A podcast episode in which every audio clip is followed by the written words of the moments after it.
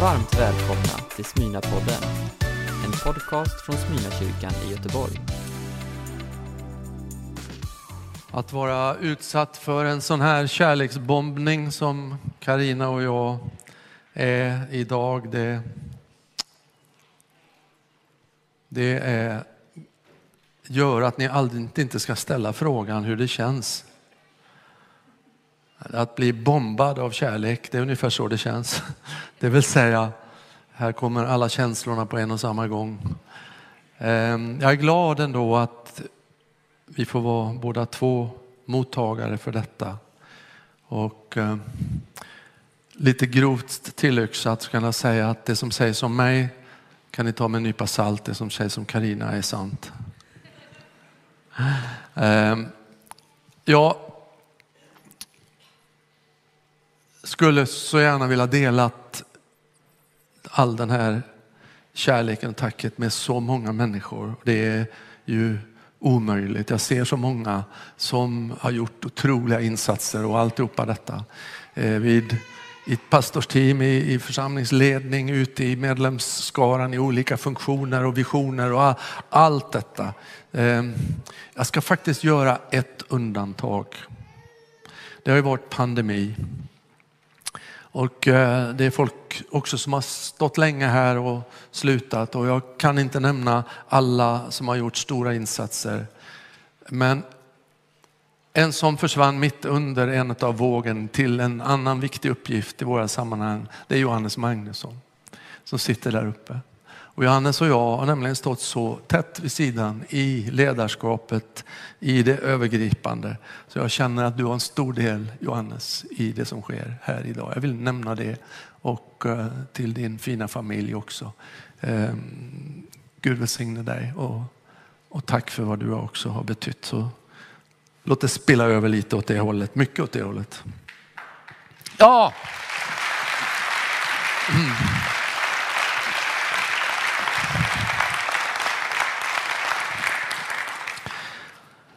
Jag ska läsa från en text som jag läste när jag installerades här som pastor för, hur många år sedan var det nu, 15 eller 16 år sedan.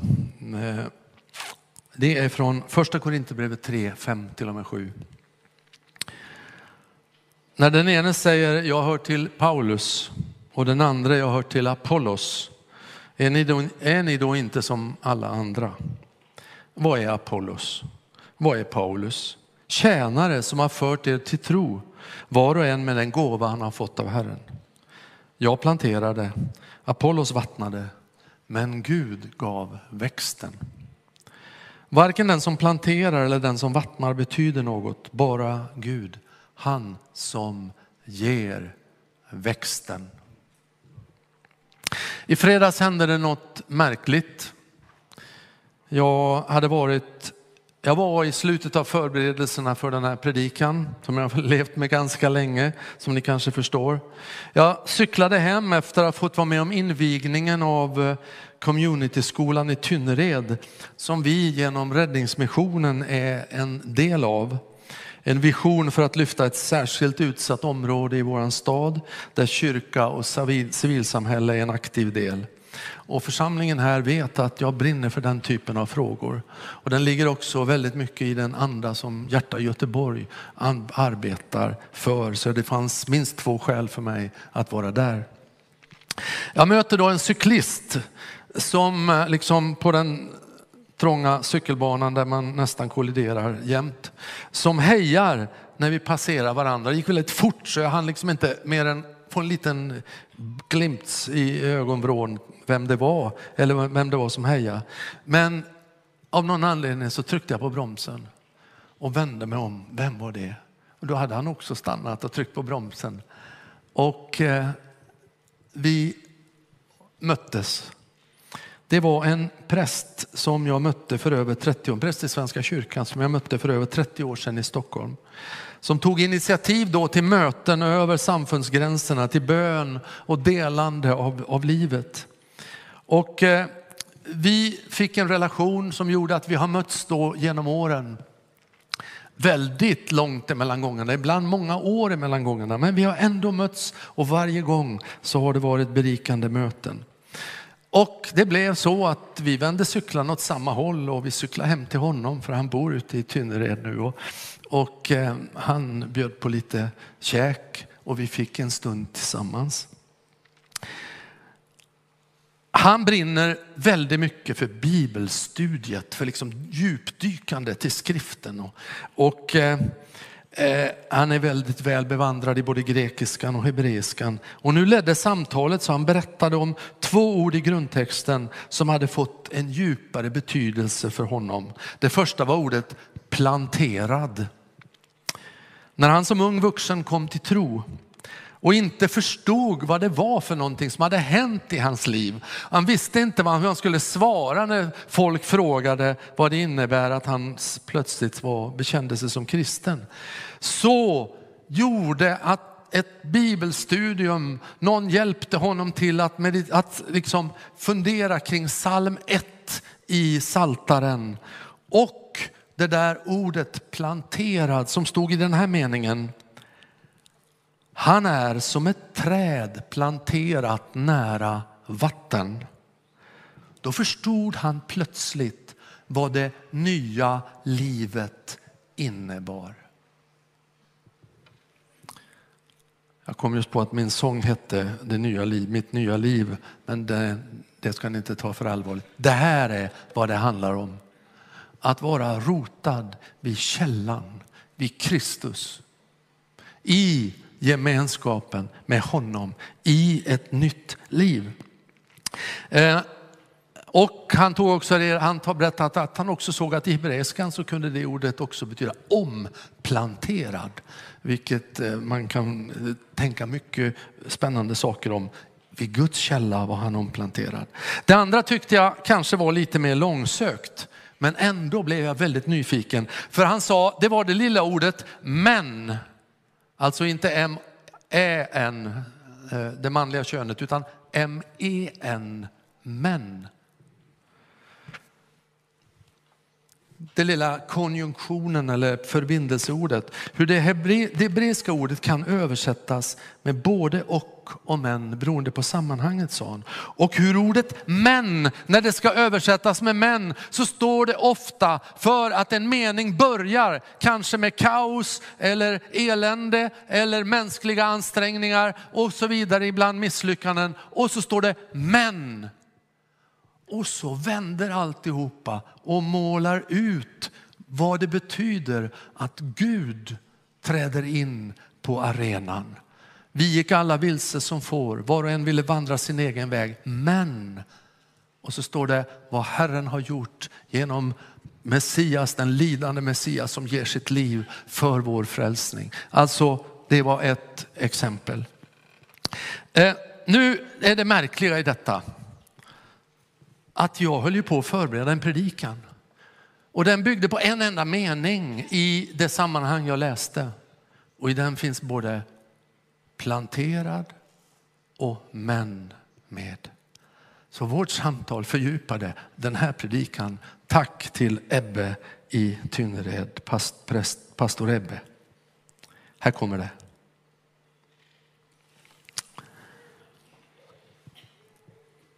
Jag planterade, Apollos vattnade, men Gud gav växten.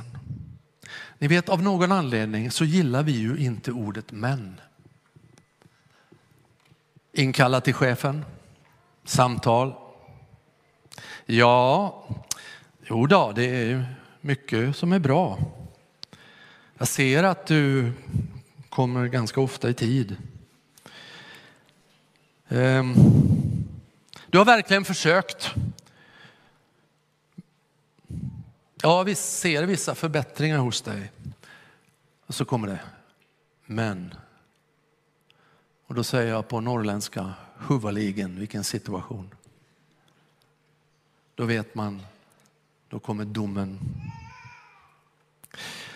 Det var ingen annan församling utav Paulus församlingar som så är så ifrågasättande, kritisk och fäller domar över Paulus som församlingen i Korint. Han var annars älskad och högaktad, beundrad i många av de församlingar han grundat, men inte riktigt så i Korint. Vissa av korinterna var inte nådiga. Han skriver kraftfullt i sina brev, men i verkligheten är han svag.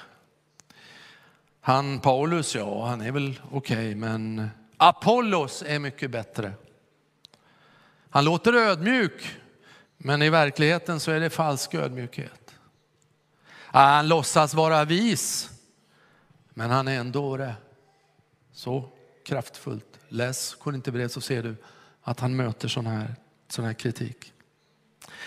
Jag vill säga att jag jämför mig verkligen inte med Paulus och inte er med Korintheförsamlingen.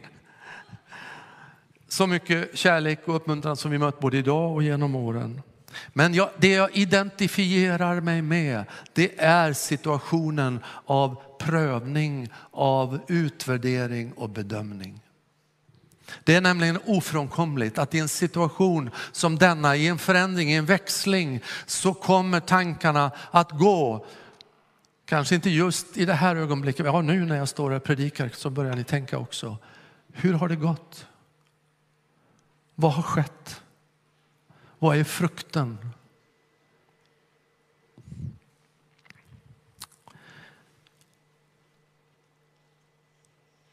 Paulus lösning det är att han ställer sitt liv under den högste bossens utvärdering. Han säger i kapitlet efter, mig är det likgiltigt om ni eller någon annan mänsklig domstol dömer mig. Inte heller dömer jag mig själv. Mitt samvete är rent, men det betyder inte att jag är frikänd. Den som dömer mig är Herren. Och då får ordet men en annan klang. Den här klangen som Ebbe talade om, det vänder liksom, eller det blir ännu starkare det som eh, är påbörjat. Jag planterade, Apollos vattnade, men Gud gav växten. Kan ni säga det med mig? Men Gud gav växten. Gud frågar också efter frukt, efter tillväxt. För det Gud sysslar med är alltid organiskt, det har med liv att göra. Det är liv och växt är ju Guds underverk, alltid. Oavsett om det är biologiskt liv eller andligt liv, så är det alltid ett verk av Gud. Vi kan plantera och vattna. Men om det inte finns något liv där som är skapat av Gud så är det meningslöst det vi håller på med. Det är därför han är så skarp och säger, vi betyder ingenting, bara Gud som ger växten. Men analyserar man som Ebbe gjorde så blir det ett underbart samspel mellan människa och Gud i den här versen, i alla tre leden. Gud har en helhetssyn på tillväxt och här kommer nu fyra olika perspektiv. Tillväxt i nya människor. De flesta tänker nog att växt är att bli fler, tillväxt är att bli fler. Under åren som gått så har vi fått se perioder av både minskning och tillväxt. Tillväxt särskilt under det senaste decenniet, 10-talet, då vi bland annat fick uppleva en stor tillströmning av människor ifrån andra länder. Men också genom vårt sociala arbete genom nyplanteringar eh, och verksamheter ute i stadsdelarna, barn och ungdomsverksamhet, olika initiativ av olika slag. Numerär växt är varken oandligt, obibliskt eller oorganiskt så länge det handlar om att människor knyts in i relation till Gud eller kommer närmare. In. Framförallt säger det oss att varenda ny människa som kommer in i Guds rike räknas. Jag är så tacksam för alla er som har kommit till eftersom klimatet mot invandrare, människor från andra delar av världen till min och mångas stora, stora sorg har hårdnat. Så vill jag säga från mitt hjärta till alla er som hör mig nu, oavsett det är på webben eller det är här i kyrkan. Ni som kommit till oss ifrån olika delar av världen är inte en belastning utan en välsignelse ifrån Gud. Välkomna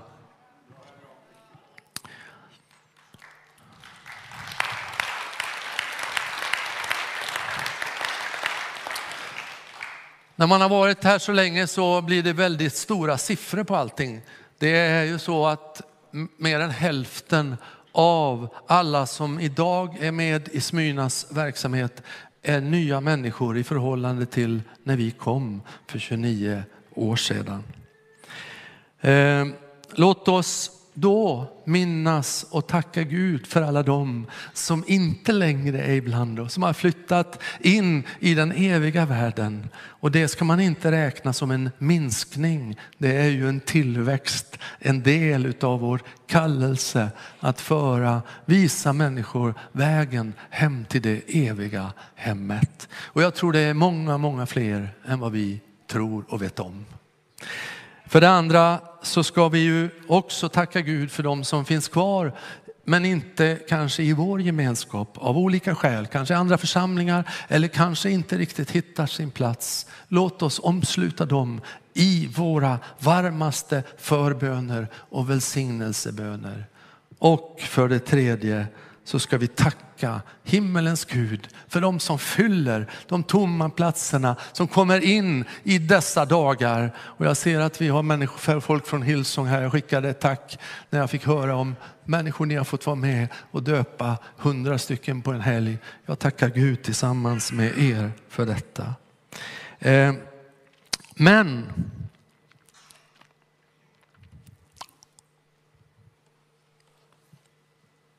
Då kommer ju människor, ni vet, när det kanske inte går så bra så kommer heller ingen att fråga hur gör ni för att det inte ska gå så bra.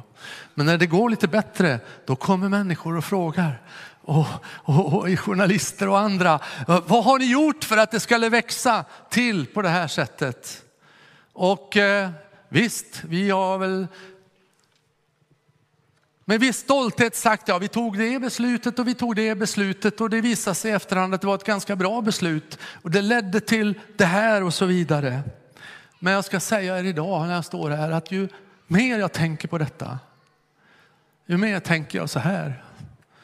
Vi gjorde si, vi gjorde så. Vi gjorde inte si, vi gjorde inte så. Oavsett hur vi gjorde så var det Gud som gav växten. Men Gud gav växten. Men Gud gav växten.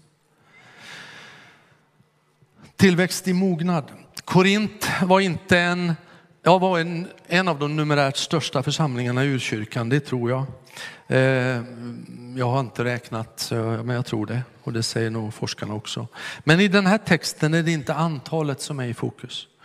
Den tillväxt Paulus är inne på handlar om mognad. Att växa upp från att vara spädbarn i tron eh, till ett moget tjänande. Han räknar i breven upp ett antal ledande män och kvinnor som vuxit fram in i sitt ledarskap i Korint. Chloe, Crispus, Gaius, Aquilla, Priscilla, Stefanus, Sostenes, Fortunatus, Akaikos och så vidare. Jag älskar att läsa om de namnen. Jag tänker det är människor som har vuxit i mognad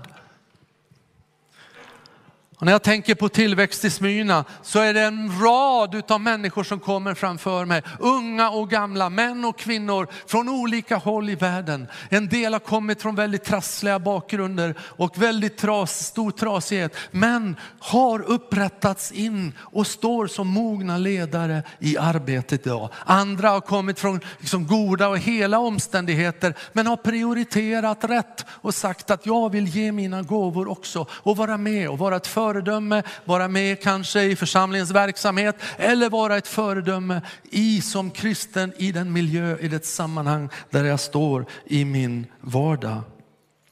Vår församling har också fått vara en plats för människor att växa till.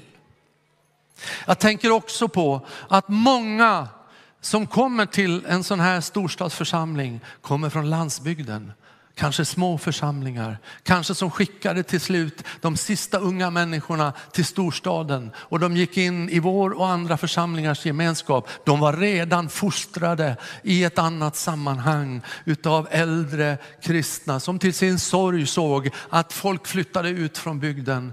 Låt oss hedra dem. Andra kommer ifrån stora församlingar och brusande i Afrika eller i andra delar av vår värld och kommer till oss och ger sitt liv, till, kanske ger sig sin tjänst till våra förhållandevis små sammanhang. Då är även Smyrna en litet sammanhang. Tack vi ska tacka Gud för dem som har fostrat och varit med och gjort det här till en välsignelse för oss och inte vara för snabba att ta åt oss äran. Det finns de som har fostrats i en underjordisk förföljd husförsamling i Iran och som idag är med och bär i Smyrna. Låt oss inte klappa oss själva för bröstet för mycket utan Ja, min fru är så jättebra. Hon predikar alldeles, inte så mycket härifrån, men hon predikar för mig och i andra sammanhang också. Och hon brukar alltid säga, om det går dåligt eller vi tycker det är tufft och det inte växer och det är liksom, då säger hon, vi sår, andra får skörda.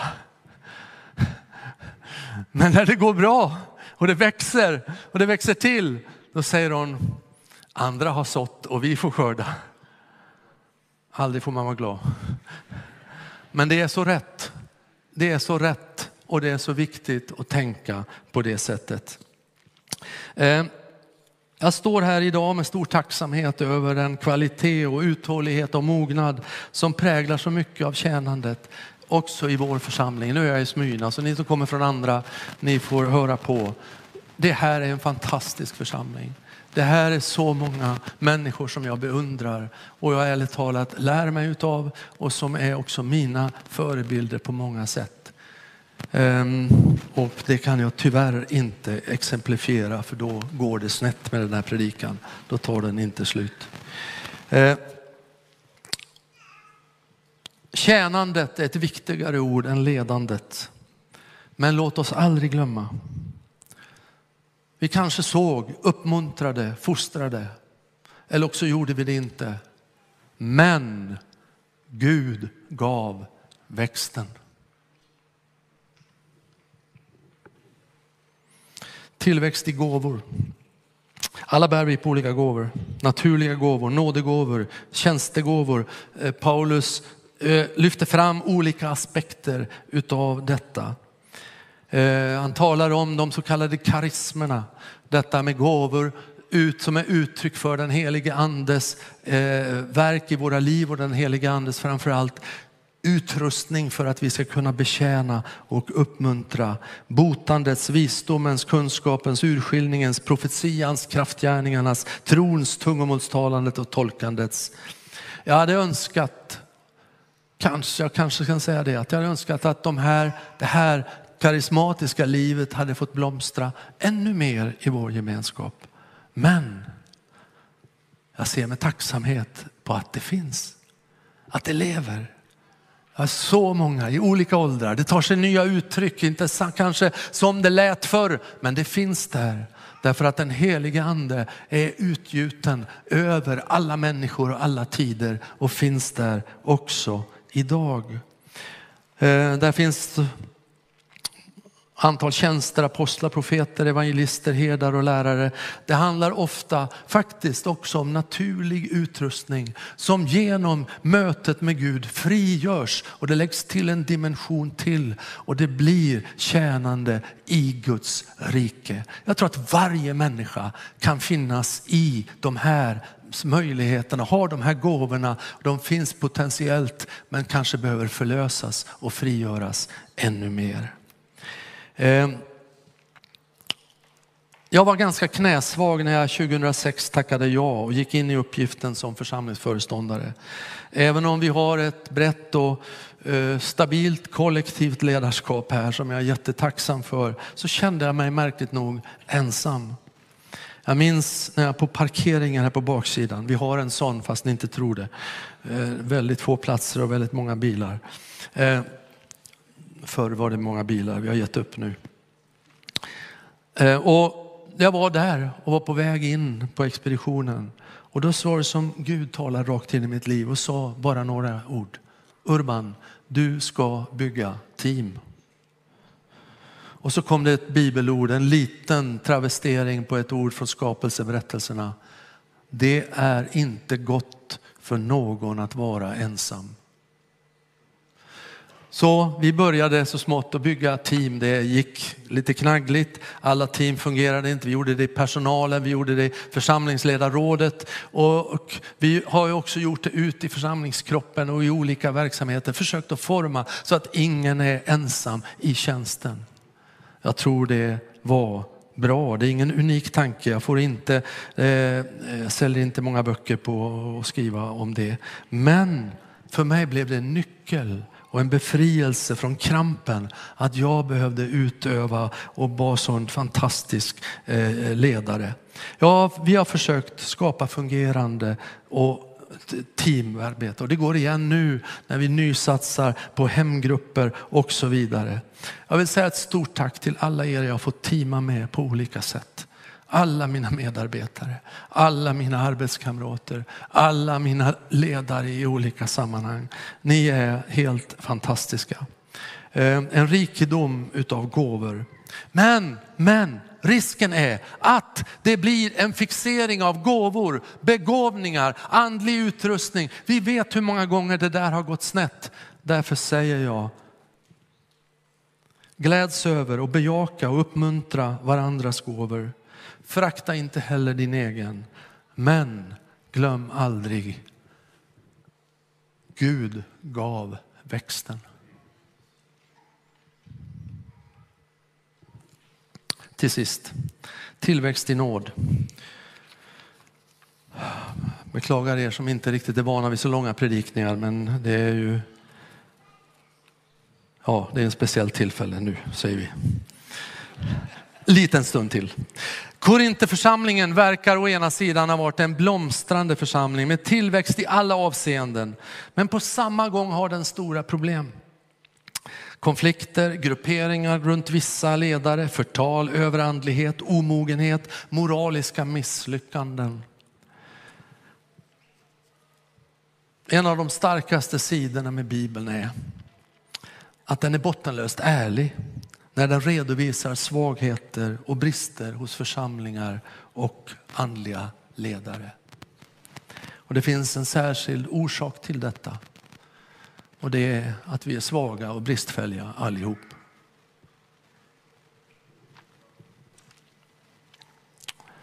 Jag tror att även en sån här dag när vi summerar och gläds så ska vi inte blunda för brister hos oss själva. Jag gillar verkligen Pingstkyrkan i Hässleholm som firade sitt 95-årsjubileum under devisen Pingstkyrkan inte helt hundra.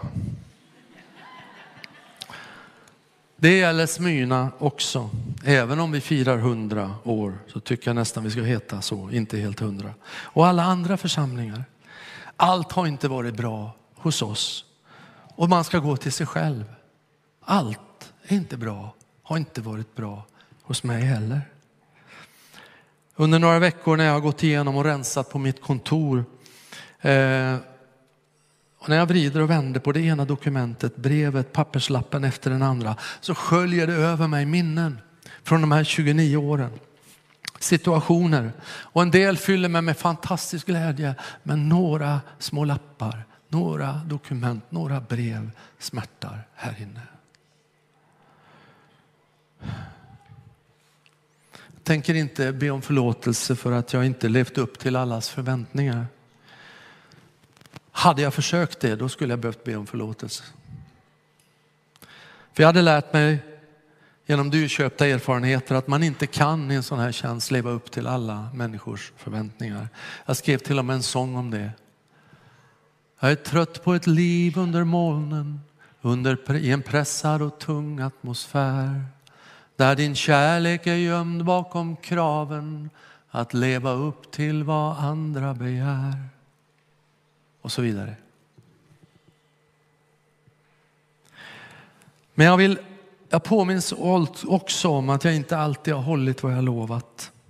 Kontakter som jag har lovat inte blivit av. Situationer kanske där människor kommit i kläm på grund av mitt agerande eller mitt uteblivna agerande. Och att jag inte orkat följa upp där det var mitt ansvar att följa upp. Och ibland har jag, när kvällen har kommit, hört Den heliga ande viska i mitt inre. Urban, watch your mind. Se upp med dina motiv. John Ortberg skrev en gång, folk säger att det är så fruktansvärt att, bli att, att, att motiven ifrågasätts. Men jag säger, sa han, att det är bra för mig att ibland få hjälp att ifrågasätta mina motiv. Jag har talat in i era liv vid gudstjänster, stora och små, bibelstudier, begravningar, bröllop, ledarsamlingar. Jag måste ha talat offentligt över tusen gånger i den här talarstolen eller i någon annan i vår församling. Bara det. Vilket förtroende och vilket jätteansvar. Och jag har manat och utmanat och ibland när kvällen har kommit också har en annan fråga kommit till mig själv. Urban, har du täckning för det i ditt eget liv? Jag kommer från en alldeles speciell familj, det gör du också. Eh, det var stora familjer, barnkullar. Min, eh, min mormor och morfar fick nio barn på, i tät följd och min mamma och pappa fick sex barn i relativt tät följd. När jag kom sen orkade de inte riktigt hålla tempot uppe. Men vi, blev, vi var sex barn i vår familj. Och vi lärde oss från våra mödrar framför allt att avsluta varje dag med en förlåtelserunda. Och den var sån att det var tätt och trångt och man låg i, ofta i samma rum eller i rummet intill. Att man ropade mellan sängarna, förlåt allt! Förlåt allt! Och det kan man ju tänka vad som helst om. Det kanske var en, bara en, en grej som inte betydde något. Men till det så kom också viskningarna mellan två sängar. Rut, kan du förlåta mig?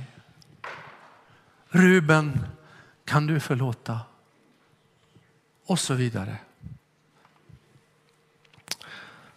Är det något som jag tror saknas i vår gemenskap så är det att vi skulle behöva vara mer förlåtande och mer ödmjuka inför när vi behöver be om förlåtelse och även ge förlåtelse. De starkaste orden i båda Korinthierbreven, det är nog när Paulus i det andra, andra Korinthierbrevets tolfte kapitel i förtvivlan ber Gud befria honom från något som forskningen aldrig har riktigt kunnat ta på vad det var för någonting. Men det är förmodligen någon slags kombination kanske utav yttre, yttre attacker men också inre känsla av inre otillräcklighet och svaghet. Då säger han, jag har bett tre gånger att slippa få den här ängeln ifrån Satan som slår mig i ansiktet. Och så säger Herren till honom så här, min nåd är allt du behöver. I svagheten blir kraften störst. Det är så fantastiskt. För tillväxt i Guds rike sker inte i perfektion utan det är i en mylla utav nåd. Alltid. Som ni vet så är jag också musiker eller något liknande, musikant eller vad det är, trubadur. Jag har märkt en sak. När för de flestas öron låter fulländat så är riktiga musiker aldrig nöjda. För de flesta, vi tycker att det var fantastiskt, men när konserten är slut så vänder sig ofta musikerna till varandra och så säger de tack och förlåt. Smyrnaförsamlingen både har och är en symfoniorkester som jag har fått spela med i.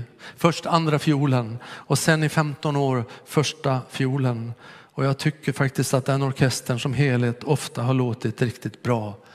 Åtminstone när Herren har fått dirigera och vi har hittat den rätta tonaliteten. Min första och största känsla när jag står här idag, det är tacksamhet. Tack att jag har fått vara med och spela i den här orkestern. Tack för all kärlek uttryckt i böner, hälsningar, handlingar och gåvor. Tacksam för den växt vi faktiskt har fått se och vi ska prisa Gud och tacka för den i alla de fyra avseendena som jag talade om. Jag är tacksam för att det har funnits utrymme för stora och djärva visioner i en gammal församling som våran. Tack att ni har stått ut med att jag har puttat på er och utmanat er och sagt att vi behöver tänka större än oss själva. Jag vill tacka för att jag fått ha en gemenskap, en ekumenisk gemenskap, den större ekumeniska orkestern skulle jag vilja kalla den för. Jag tror att den här staden ska få uppleva en ny hoppets symfoni när kyrkan som helhet börjar ännu mer spela tillsammans. Som vi hoppas ska ske bland annat genom Hjärta Göteborg. Men nu när jag inte utan vemod avslutar den här långa Smyrna-konserten i mitt och Karinas liv, eller om det är vi som avslutar eller vem det är. Det är, det är ingen som har tvingat att sluta kan vi väl säga. Men när den avslutas så vill jag vända mig till er alla.